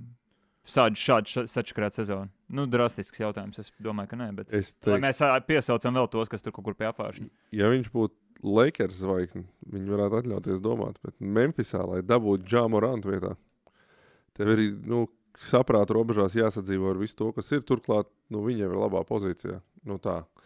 Ne visas komandas izcīnīs titulus, bet viņi ir labā pozīcijā, lai vēl 6, 7, 8 gadus būtu rietumu konferences kaut kāds spēks, top 6, top 4. Tur labs top 3 ar top Payne un Jaren Jacksonu junior. Un par uh, Džamu Viņiem nav variantu. Memphis, Memphisai jāpriecājas, ka viņam vēl viens savu veidu preslīs piedzimis. Ir unikāls spēlētājs. Unikāls pēc vis tā, ko viņš dara. Viņš nav tik garš kā Memphis, bet nu nav neviens cits tik viegls un tik atspērīgs kā Džā. Tā kā viņam jāpriecājas, ka NBA preslīs karalis pie viņiem, lai viņš ik pa brīdim kādas mēslas tur savāra. Bet... Nu, tagad jau viņš sa satraumējās. Nu, ko- Jā, ja tā saucamais. dabūs varbūt vēl vienu matu buzeli un vispār lielais Es, četrnieks. starp citu, man tas, es, es sekoju Instagramā sen jau kādu laiku Matam Bužēlim. Uz zeļiem mēs nevaram šeit viņu dabūt. Viņam tur mums konkurē Irānas līga. Es sapratu, jā. Un, bet viņš iet uz pirmo piku, jā. Top 3. Ja. Bet Nē, es viņš pirmo arī es neiet. super veidots, nu, divi desmit ar rokām garām. un tur- Arī varbūt top 6 vairs tikai. A, kāpēc tā? Kas viņam? nu, Viņš, neko, viņš ir uh, atletisks un metienu, bet Žī- viņš nerāda neko tajā ir līgā nerāda, jā? Radīšanas, veidošanas kaut kādas prasmes nav tāds superīgākās. Starp Tā citu, varbūt varam dabūt. Mēs varam piesaukt ar Artūru sarunu ar mums abiem pazīstamu lietuvieti, kur mēs mūsu diskusijas laikā informējām, ka viņam aģents ir, uh, nebija no Miško vai kaut kas no tās puses. Un tas mūsu lietuviešu draugs ļoti pēkšņi saskuma par to, ka Lietuvas izlases cerības uz Buzeli varētu nebūt tik labas pēkšņi. Nav nekas tur. Viņš ko nav laba ziņa izlasēm. Viņš kaut kā nepatīk dot spēlētājs izlasēm. Man tieši bija kaut kas ļoti Kāpēc? ietekmīgs, ko mēs noskaidrojām. Kāpēc? Tāpēc, ka savainojums un nav ko labāk jāpelnā. Gribētu teikt, ka aģentiem kopumā nepatīk dot izlasēm. Nu, kā vispār. Kā... Viņš kā ir Officiāli. vēsturiski. Nu, cik viņš ir, vis, jā. viņš ir visspēcīgākais Eiropā, tad viņam visvieglāk to nevar pateikt. Viņš tā, nu, Džeks, arī. Un šajā gadījumā Piemēram, Jokic varbūt Jokic tāpēc bija nespēlēja. Nu, nu, jā. Ja tu se, savai valstī Citi, nu, uz Parīzi gan jau palaiž. Viņš varbūt Olimpijādā atzīst Miško vai negribīgi. Nu, Tomēr. Skatīsimies, garš, ja garš, garš playoff Jokičam, tad ko tur darīt? Maikls Telams, Jeffs Švarts. Tagad rakstīts. Ja? Jā. Nu, katrā ziņā, jebkurš ietekmīgs aģents var teikt, nu, kas pa Lietuvu. Viņš ir NBA karjeras. Kas viņ, viņš ir tīrais? Nu, tas taču ir Miško. Uzaugs. Tas ir Miško. Jā, Viņš jā. ir viņu, Švarts? Švarts ir viņu Jā. Amerikas uh, partners. Miško serbiski ir melns. Ja, viņš ir uh, Čikāgā izaudzis no emigrējušiem lietuviešiem. Kaut kā man šeit uh, Arvīts Sabons vienreiz aizbrauca vizītē. Nu, tu spēlēsi Ilsē, ja? Arī viņam Skaidrs. labā, nu, viņš izlasīja, tad droši var spēlēt, ja viņam tur NBA tas pirmais rookie līgums nesalikās, tad žēlgirs un tad izlasīt. Tādā ziņā jau viss kārtībā. Nē, bet Bužēlim ASV izlasē viņš varētu arī netikt. Lietuvas izlasē būs garantēta vieta. Runājot par starptautisko basketbolu, manuprāt, noslēgumā ļoti. Par tiem treidiem runās. Tu gribi par to parunāt? Nē, nu labi saka. Vai salīdzinām, kurš temats tavuprāt ir interesantāks? Es gribēju pieminēt to, ka Rikijs Rubio iznāca publiski paziņojumu, ka viņam 30. jūlijas bija ļoti tumša diena. No acīm redzot, cilvēks nespēja tikt galā ar to, ka viņam otro reizi krustveida saites, ka ir smaga, smaga rehabilitācija. Paziņoja publiski, ka viņa NBA karjera noslēgusies. Ļoti interesants formulējums, kas šķiet neizver durvis Spānijas izlasē vai jebkādai karjerai Eiropā. Galu galā atkārtosim. Cilvēks, kas 14 gados debitēja ACB, pasaules kausa zelts, divi Eiropas čempionu tituli, Olimpiskais sudrabs Pekinā 17 gados. Pamatsastāvā gāja. Un pelnīja atrasties katru sekundi no tās, un Spānija tikpat labi varēja uzvarēt, ja Oh, Kobe kas Bryantam tas- neizvērtos galva. Visu laiku labākā basketbola spēle, viena, ko es esmu redzējis, Pekinas fināls ASV Spānija. Veids ar Kobi, kamēr Lebrons grauz nagus, sastrasojās tieši tā arī bija. Tad viņš vēl nebija klačs spēlētājs kā tagad. Veids ar Kobu uztaisīja finālu, atcerieties? Jā, Rudijs Fernandes bija Ah, pārdankoja pāri Hovardam. Dvaitam. Nē, nu, fantastiska spēle, un Rubio bija 17 gadi, bet pirmo reizi par Rikiju Rubio es dzirdēju Viņu U16. redzēju ātrāk jau. U16 eiro. Redzēju viņu Badalonā, ka viņš driblā kaut kādiem saspičiem ņēma bumbu no Jā, jā, bet 14 vai 15. U16 čempionāta fināls. jā, Tur kosmos. Viņam ir 14 vai 15. Viņam vidējais stādītāji bija triple double ar vidēji septiņiem stīliem. Nu, es varbūt pārspīlēju, Es bet varu nosaukt statistiku finālā. finālā 52 punkti, triple double vai quadruple double. Pa, pa, 1, 24, 12 iemeta no centra, panākot ne, pagarinājumu. un vinēja pēc tam. Krievija Un cik stīli vēl? nepierakstīja. Apsīšos. Stīli ir arī. Ja ne, ja ne pār pie desmit. Varbūt bija arī pār quadruple double, bet 8 stīli no nu, kaut kāda 7, 8. Pret Krieviju tad 51, 24, 12. Nu, tad, tad es, eh, tas ir 2000 kurš? Tas ir 2006. gads. Jā, līdz ar to es Viņam nebija bijušas 16 Es atceros, dienas, ka viņš ir 90. gads. Es strādāju vēl uh, Latvijas Basketbola Savienībā, tad es cītīgi sekoju visiem tiem mūsu 16, 18 čempionātiem, jo Latvijas izlase regulāri bija A divīzijās. Un tad šo es ir, es domāju, kas tas tāds par brīnumu. Nu, ilgi nebija jāgaida. Faktiski divu gadu viņš jau Spānijas izlases sākuma sastāvā gāja Olimpiskajās spēlēs. Fantastisks spēlētājs, unikāls, unikāls, kaut kur unikāls. Es teiktu, ka līdz galam tomēr nerealizēja, manuprāt, savus griestus un pieaugušo līmenī, pat, patraucējušie savainojumi. Mans viedoklis. Man liekas, ka viņš varēja spēlēt vēl labāk, bet nu, viņš arī tāds um, liekas, brīvdomātāja tips spēlētājs, kurš ik pa brīdim arī būtu arī NBA. Tā, tāda tipa varbūt nedara. Viņš ik pa brīdim atļāvās tur teikt, ko domā. Es iedošu vienu, teiksim, par to psiholoģisko pusi. Nu, Pabeigs, es pieminēšu ātri caur. Fui, pusfinālā pret Horvātiju viņam bija quadruple double ar 11 stīliem. Finālā tikai 7 No, stīli. jā, tas ir Nabaks. no, no, no, no. Turpin. tā tad, nu, es nezinu pat, ko darīt. Ja, te, piemēram, mums būtu klubā džeks, kuram 14 vai 15 gadi, kurš tik labs, ka vienkārši var iet laukumā un jau dominēt. Bet tā vispār tāds bišķi koks ar diviem galiem. Un, uh, Nevis koks ar diviem galiem, bet tur daudz riski ir. Tā būtu laikam precīzāk jāsaka. Un viens no tas, nu, viņi to basketbolu baigi attēlās. Un uh, varbūt tu teici kaut kāds viens arguments, kāpēc nerealizēja, bet otrs. Man liekas, ka viņš tāds īpaši labāks paliek karjeras gaitā. Nelikās, ka starp ā, 17-gadīgu Rikiju Rubiju un 25-gadīgu ir kaut kāds baigais. Viņš kaut ko ir, piemēram, metiens. Nu, viņa metiens tā arī nekad viņš nedabūja tādu Stabili metieni. jā. stabilu Bet metienu. es uzsvēršu. Viņš gal galā 2019. gada pasaules kausā bija MVP. Viņš Pānijas ilusē ar FIBAS līniju, varbūt ne tik fiziskiem pretiniekiem pretī, es nezinu, bet viņš to stāvtienes pēc dribla vismaz adekvāti sāk mest. NBA, es nezinu, vai tālāk līnija vai cits uzsvers uz to, kas jādara. Tur viņš, es piekrītu, ne, tā neprogresē. Bet Spānijas ilusē viņš uz karjeras otru pusi. Bet mans tas galvenais punkts, jau es pabeigšu, ir tas, ka, ta, ka tu tik agrā vecumā jau tik ļoti un jau tik ļoti tajā starmeša gaismā, un tik ļoti, ļoti liela arī psiholoģiskā spriedus tev kaut gan tie tīņi jau parasti nejūt, jo viņi vienkārši vēl smadzenes vēl tā nesaprotīs. Nu, labi, nu, kas 20 tūkstoši kaut kādā skatās, nu, kas, kā man tas traucē, lai grib, lai paskatās.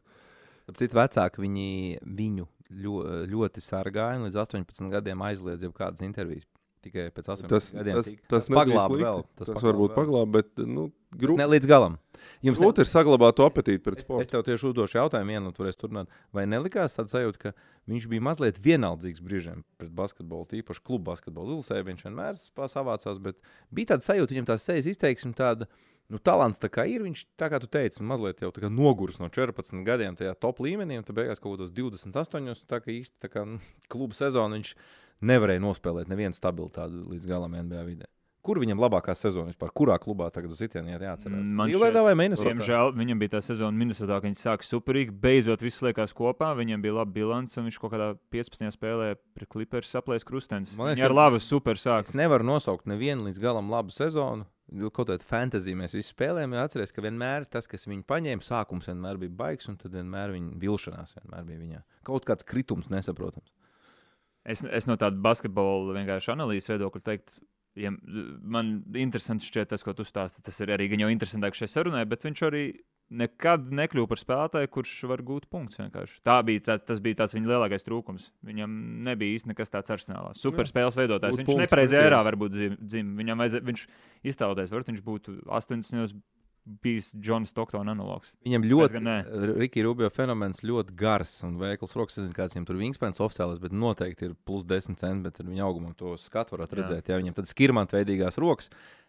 Es pieļauju domu, ka varbūt es nezinu, neesmu tur super analī, a- a- a- analizējis. Es pieļauju domu, ka varbūt biomehāniski ar tādām rokām grūtāk metiens mēs, bet nu stīloja viņš ļoti labi stīloja un piespēlēja. Man starp citu atmiņā ar viņu palikusi ar epizodi, droši vien tādu pilnīgi, es viņu te atrast Kaut visticamāk. gan Kavai Lenārds ar savām supergarām rokām labi met, tā kā man savu tēzi jāapgāž. Rīkajam ir 206 roku izvērsta. Lielā- Viņam bija 1,89 m. Ja? Nu, kosmos, viņam ir kosmos. garāks? Nē, Mēs ar 88 ierakstīts, ka Tā tad, uh, Plus 18 kosmos. zini, kāda man epizode ar viņu ir uh, viena vispilgtāk palikusi atmiņā. Es neatceros pretinieku, bet es atceros, kur es to spēli skatījos. Pie vecrīgā bija Tur, kur tu katru dienu gāji skatīties Kur basketbolu. mēs agrāk skatījāmies to visu Eiropu. Eirolandā, Eiropas un visu kaut ko. Jā. Mēs Viņi mazliet, spēlē Eiropasā. mazliet BCFā likums likām uz Viņi skatu. spēlē Eiropasā vai Eirolika- Eiro- Eirolīgā pret. Uh, Neatceros, kur komanda, bet es atceros, ka pretī, ka viņam viņa izlaiž laukumā, viņš bija 14 vai 15 gadīgs. Un atceries, super tīvs. Viņš nevarēja, tas pretinieks nevarēja normāli padriblēt. Un izlaida, izlaida kaut kādu to nu, prototypu, 1,75 super ātrā amerikāņu, kur likās, nu, nu kā to līdz viņš to tievo cīsiņu nesīs. Un divas reizes pēc kārtas pie centra viņš viņam atņēma driblā bumbu un aizgāja iemet lejā. Jā, jā, nu viņam bija unikāls šīs roku veiklība. Viņam tāpēc tie stili tur ir. Viņam bija tajā čempionātā kaut kāda 7, 8 vidēji. Jā. Jā, septiņi dienas. Nu, tas ir kosmos. Nu, vienalga kādā vecumā. Un tas ir viņa. Tie, kas ir seguši mazos, saskārušies ar tiem super ātriem džekiem, nu, es atceros, man bija komandas biedrs Rodnijs Bilaps. Viņam bija metrs. Es pret viņu dabūju uzspēlēt. Ļoti grūti. Nu, Nepat... nav iespējams, par Nepatīk. to ar acīm nevar izsekot. ko- Jā, jā, jā. jā, jā. Kāds vēl bumbas driblā viņam ņem? Jā, jā, jā. Buļķis. Viņš nav nemaz tik ātrs. Nu. Puķis, tu esi aizsardzībā, Rikijs Rubio. Nē, jā, Latvijas. Latvijas analogs. ja Buļķim vēl būtu iedalīts garas rokas, viņš Jā, jā, viņš tad, jā, jā, jā buļķis, buļķis ar savām 1,40 m rokām, kuras sniepās mazliet virs galvas. Tāpat desmit stīvus. Viņš izvērš un atņems laiku. Cik, cik, cik. jā, paldies, Rikī. Paldies, Rikiem! Par, par foršām Foršs atmiņām. Džeks tāds jā, interesants, ka faktiski kopš mēs tā ļoti nopietni sekojam Basītam, tad viņa karjerai tieši viņš sāka spēlēt, tad mēs sākām kaut kur strādāt, sekot. Nu, tad mēs esam izgājuši viņa karjerai cauri tā pilnībā. Bet cerams, ka vēl uzspēlēs. Jā, Spānija Bar Barcelona bija kaut kāda baumiņa. Nu, vismaz informācija. Atgādina, ka Spānija zaudēja Latvijai. Spānijai kvalifikācijā jāspēlē uz Olimpiskām spēlēm. Pareizi. Jā tieši tā. Viņiem Latvijai arī jāspēlē kvalifikācija. Es zinu, zinu, es tā kā par Spāniju, nu, viņi tagad tur grāndi ir. un tā. Kas viņam bija lielais pretinieks? Viņu uzņem mājās.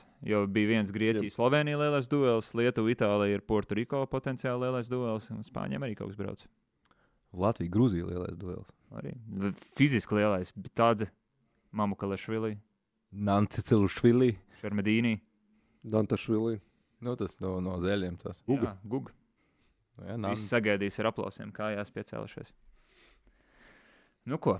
Nu, paldies. Nu, prieks Varam satikt jūs. īsi par Eirolandes trījiem. Okay. Lūdzu, piedod. Tas neliekas, man tas likās interesanti. Pastāst, pastāst. Nu, mums ir brīvais, Arī arī, brīvais mikrofons. arī šodien. Pagaidām baumu līmenī, bet kā Eirolandā runā, ka, lai izveidotu framework, ka trade var notikt. Izlasīju to bilnu rakstu. Es, Nē. es atvainojos, ka tev to darīju ēterā. uzreiz to jāpārtrauc. Nē, neizlasīju. Es izlasīju virsrakstu, iemetu mūsu čatā un cerēju, ka mēs šodien par to papļāvām. Jo tas konteksts bija tāds, un es tam kontekstam nelīdz galam piekrītu. Es redzēju vairāk spēlētāju sūdzības, ka jūs slim esat. K- Kurš tas bija konkrētais par to, ka jā, es tagad valsts? izstāst. Doma tāda, ka Exums tagad, vēl kaut kas. tagad nu, e, e, Eiropā nedrīkst mainīt spēlētājs, vai nedrīkst, vai tas nav pieņemts, vai kāda ir tā situācija? Teorētiski vajag spēlētāju akceptēt 99% gadījumu, jo līgumā tu nedrīkst. Nu, es neesmu redzējis spēlētāju līgumu, kur rakstīts, ka bez kluba piekrišanas viņš var Nē, nomainīt. bet tas vispār ir interesanti. Krasnojārsku. Jā, jā, tas vispār labi. Pieksim, tu par, paraksti tur kaut kādā, nezinu, Atenās un cer, ka būs silts, un tev iemaina, kur tur Nižņī Novgorodā, kad saulēk vēl varēs spēlēt Krievijā. Tev pēkšņi no plus 20 uz minus 30 ar visiem nosacījumiem. Viss. Amerikā jau tā arī var būt, bet uh, Un no, un no kaut kāda Bentley uz Volgu vai Žiguli. Tātad konteksts ir tāds, un tūlīt tev mazāk patiks šis viss, zinot tevi. Nu? Eh, Ja es nemaldos, šo sezonu, ja mēs skaitām Skariolo, Eirolandā ir nomainīti septiņi galvenie treneri, vai ne? Tagad Loģiski. ir kāzi septīti. Septiņi. cilvēkiem nav pacietības. Tātad ir tāda institūcija kā Eirolandas Spēlētāja Eh, asociācija. Eirolandas treneru uh, valde, kurai ir iecelts izpildu direktors. Es aizmirsu viņu vārdu, lai viņš man piedod. Un viņš reaģējot uz šo sniedz interviju, kurā viens no viņa argumentiem bija, nu, ja jau mēs tik vienkārši treneris metam zem tanka, tad arī spēlētājs varētu mest zem tanka. Tāpēc mēs, kā Eirolandas treneru padome, vedīsim sarunas ar Elpu, nu, kas ir Eirolandas spēlētāja asociācija, tas, kas ir NBPA Ziemeļamerikā. Un mums šķiet, ka šāda izlīguma jāpanāk. Tā kā tas nāk ārā no šī konteksta. Visticamāk, kāds konservatīvs par treneriem iestājies kungs saka, ja jau treneris mēs laižam, tad spēlētājs dev arī, arī no Kaunas uz Atenām sūtām. Bet, zin, kāda Atēnām uz zin, kāda nianses. Uh, Kaunis uz Atenām forši, bet no Atenām uz Kaunu varbūt ne tik ļoti. Es te arī tādu ieskicēšu tehnisku nianses, bet būtiski, kur daži cilvēki no malas nekad pat nenojauš. Uh, treneru un spēlētāju atlaišanā. Visur tomēr šobrīd Eiropā ir garantētie līgumi, un nevar tā vienkārši spēlētājs izmest uz ielas. Nu, ar kaut kādiem retiem izņēmumiem, normālā līmenī. Bet tā atšķirība ir tāda, ka, ja treneris atlaiž, viņam ir daudz grūtāk dabūt darbu. Līdz ar to treneris daudz retāk piekrīt izlīgumam, un pietiekami daudz komandas maksā vēl gadu, pusotru priekšu vienkārši divas algas cilvēkam, kurš turpat neatrodas. Mm. Savukārt ar spēlētājiem pārsvarā. Nākamajā dienā ir kaut kāda opcija, vai pēc nedēļas ir kaut kāda alternatīva. Un spēlētāji daudz vairāk tendēti ir piekrist, nu labi, samaksā man divas aldziņas, un nu, šķiramies kā draugi, viss kārtībā. Līdz ar to treneris no vienas puses ir kā, kā nepasargātāk, bet no otras puses, reālajā dzīvē viņi daudz biežāk ir. No klubam ir dārgi no viņa šķirties. Dārgāk. Andrew Andrews mēs šeit tieši tik reti precedenti, nu, precedenti ne, tik reti situācijas izpildīja pagājušā sezonā, kad viņu Panafinaiks negribēja vairs, viņš ņēma un sēdēties Atenās un nekam nepiekrita. Atceries, bijušais Vefietis. Un Tas, tik, tas bija tik, tas gadījums tik bieži tika tiražēts presē, jo, kā tu teici, tā nekad nenotiek. Viņš, nu, labi, maksājiet Jā, jā. Grieķiju. Nē, Nu, tas, es domāju, Silts, ka silts. Es varbūt tik daudz nezinu, bet nu, nu, pat arī mūsu platumgrādos zinu spēlētājus, kuriem ir bijuši individuāli treniņi līdz brīdim, kamēr viņi pārdomā. Nu, vai ir viņi, Sešos no rīta. kur atrodas arī zālē un sēž uz soliņiem, kur jau kādu mēnesi nevienam, no neviens viņus negrib. Tur, man liekas, viens pat kaut kāds repa video uz uh, Rīgas jumtiem filmēja kaut kāds amerikānis. Es nezinu šo gadījumu. Nu, bija tāds gadījums. Tā kā nu, tas notiek šādi, tad, bet nu, ne tik bieži. Bet vai es aplēju mazliet tavu entuziasmu? Par pastāstot, no kurienes sakna nāk šeit. Es saprotu, sakni, bet es jau nemainu to, ka to kustību ir iekustināta, tas ir interesants temats, kad, ja varētu Ja, mainīt. ja godīgi, tas būtu interesanti. Vēl viena, vēl viena Eirolīgai ekstra dimensija. Eirolandā. Būtu par iedomāties, faktiski tagad regulārajā sezonā lielāk, viens no lielākajiem topikiem NBA vidē ir trade deadline vai ne līdz deadline tagad Anu no bija maiņa. Bet, kas bet es uzskatu, ka, lai šis strādātu pilnvērtīgi, nu, jāpāriet uz neizbēgamo slēgtu līgu, kas ļoti daudziem nepatīk. Tad, tad šādas noteikumus ir vieglāk ieviest, jo viss tomēr strādā vienā kaut kādā sistēmā. Un šobrīd katrā valstī ir cita nodokļu sistēma, cits kaut kāds vietējais Jā, čempionāts. Uh, Citi vispār vienā vīzā, varbūt viņam vispār dokumenti jātaisa no jauna. Varbūt viņi nemaz neakceptē kaut kādu iemeslu dēļ. Nemaz kādam afrikānim nevar dabūt. Spānijā var dabūt darbu vīzu, un, pieņemsim, Vācijā vairs nedod kaut ko Pilnīgi piekrīt, ka ASV to viens valsts ietvaros, ok, ASV plus Kanāda. Viens valsts ietvaros ir izdarīt daudz vieglāk nekā tur. Un arī tur viena lieta. Sadrumstalotā Eiropā. gan jau es tā iztēlos, neesmu redzējis savām acīm. Eirolandes spēlētāja asociācijas noslēgtais līgums ar Eirolīgu nav tik strukturēts. Proti, varbūt es runāšu, piemēros, lasījis? Panafinai- Es neesmu, tāpēc saku. Pieņemsim, varbūt visi Panafinaikas spēlētāji dzīvo super dzīvokļos, un tu tiec aizmanīts uz klubu X, un tāds, nu, nē, te mums ir šī tāda, vai arī tu pats piemaksā. Nu, kā piemēram, un tad Vēl- nonāc visam citā dzīves. Divstāvīgās Vēl gultas viena lieta, hostelī. ka nu, līguma nav tik. Uh, NBA var sākt visu kaut ko, bet tur ir tomēr kaut kāds tas, tas standartiņš ir ciešāks. Nav Eirolandā kaut kāds viens standarta līgums. Tagad. Man, es, par, es nezinu. Man šķiet, ka nav. Man, man šķiet, ka ir kaut kādi noteikumi, pēc kuriem jāvadās, bet nav tā, ka ir, eh, nu, re, ir bāze un nu, pieliekat kaut ko klāt. Ja var. Kā NBA X dienas ir nu, jānodrošina viesnīcā, ja tu paraksti, ja Jā, tu jā. viņu atlaidi, viņam vēl tik laiks ir uh, dzīve. Galu, galu galā vēl nianses. Nu, teiksim, tu esi, nu, pieņemsim, kādā Spānijas klubā un tev nauda. Nu, regulāri nu, atnāk īziņa, kontā ienāk. Tev Jā, tur nenāk. Un kurpi kastēs tev pēkšņi nes, kas arī ir zinām izmaiņa. Jāpielāgojas, ko tagad darīt ar tiem 30 tūkstošiem skaidrā naudā. Nu, Panathinaikos kā Jā, jā, šāds. visam Kā, kā sauc Panathinaikos īsti? Jā, nu, Kopuls. Labi, Eiro... Eiro, Kopolis, kurš tur ir. Eirolandes ietvaros grūtāk nokļūt kaut kādā kosmiskā situācijā, bet, nu, ja bišķi paplašinām, var sanākt arī nonākt situācijā, kur vienkārši hronisti nemaksā. Jā. Es parakstīju ar Makabiju, jo te vienmēr alga ir laikā, un Jā. te pēkšņi es no Eirolandā laikam tādas komandas šobrīd nav. Bet... Gan jau kaut kur iekavēs. Tas vispār būtu interesanti. Būtu interesants stāsts, es domāju. Bet, nu, visticamāk, tik drīz tas nenotiks. Jā. Uz skatītājiem mums būtu super. Ziniet, kas drīz notiks? Nākamais ūdenszaļa raidījums. Kā ierasts jau pirmdienās, pulksten četros, atgriezīsies arī nu, atgriezīsies tādā izpratnē, ka neesat kādu laiku redzējuši raidījumā Gunteru un Rudolfu, jo mums bija maz pauzīt. Atgriezīsies arī viņi dažādos sastāvos par dažādiem tematiem. Varbūt jā, jāatgādina, ja tad, tad turpmāk ūdens zeļi dzīvajā laivā, Bestforce Sport TV kanālā un Rīgas zeļu YouTube kanālā. Katru pirmdienu 16. Ja? Jā, jā, un visādi podkāstu arī mums parādīsies, kad tā parunāt par dažādām tēmām. Paldies visiem, kas mūs sagaidīja pacietīgi. Nemet plinti krūmos un, vēl, protams, skatās ūdenszeļus. Tieši tā, kārtējo sezonu. Astotā. Kurš sporta raidījums dzīvojas ilgāk? Sports studija. Nu, Es, es, es biju liecinieks vienai telefonu sarunai, kur kāds cilvēks, kas spēlēja ar zīmīgu numuru un tic arī numeroloģijai, uzsver, ka viņam ir ilgāk. à, Nu, tomēr, tomēr, Malacis. tomēr. Bet ne jau viens, tur ir mainījušies Jā, tie formāti. Jā, starp citu, nosaukums tam vienam, man liekas, nebija ilgākās septiņas gadus. Viņi tur tikko tu aiziet citā televīzijā, saucies savādāk, vairs nav tas. Nu, par to vēsturnieki vēl strīdās. Bet nu, konkurēsim ar viņiem. Protams, Draudzīgi. Labi, paldies visiem. Tiekās. Tā. tā. Tā.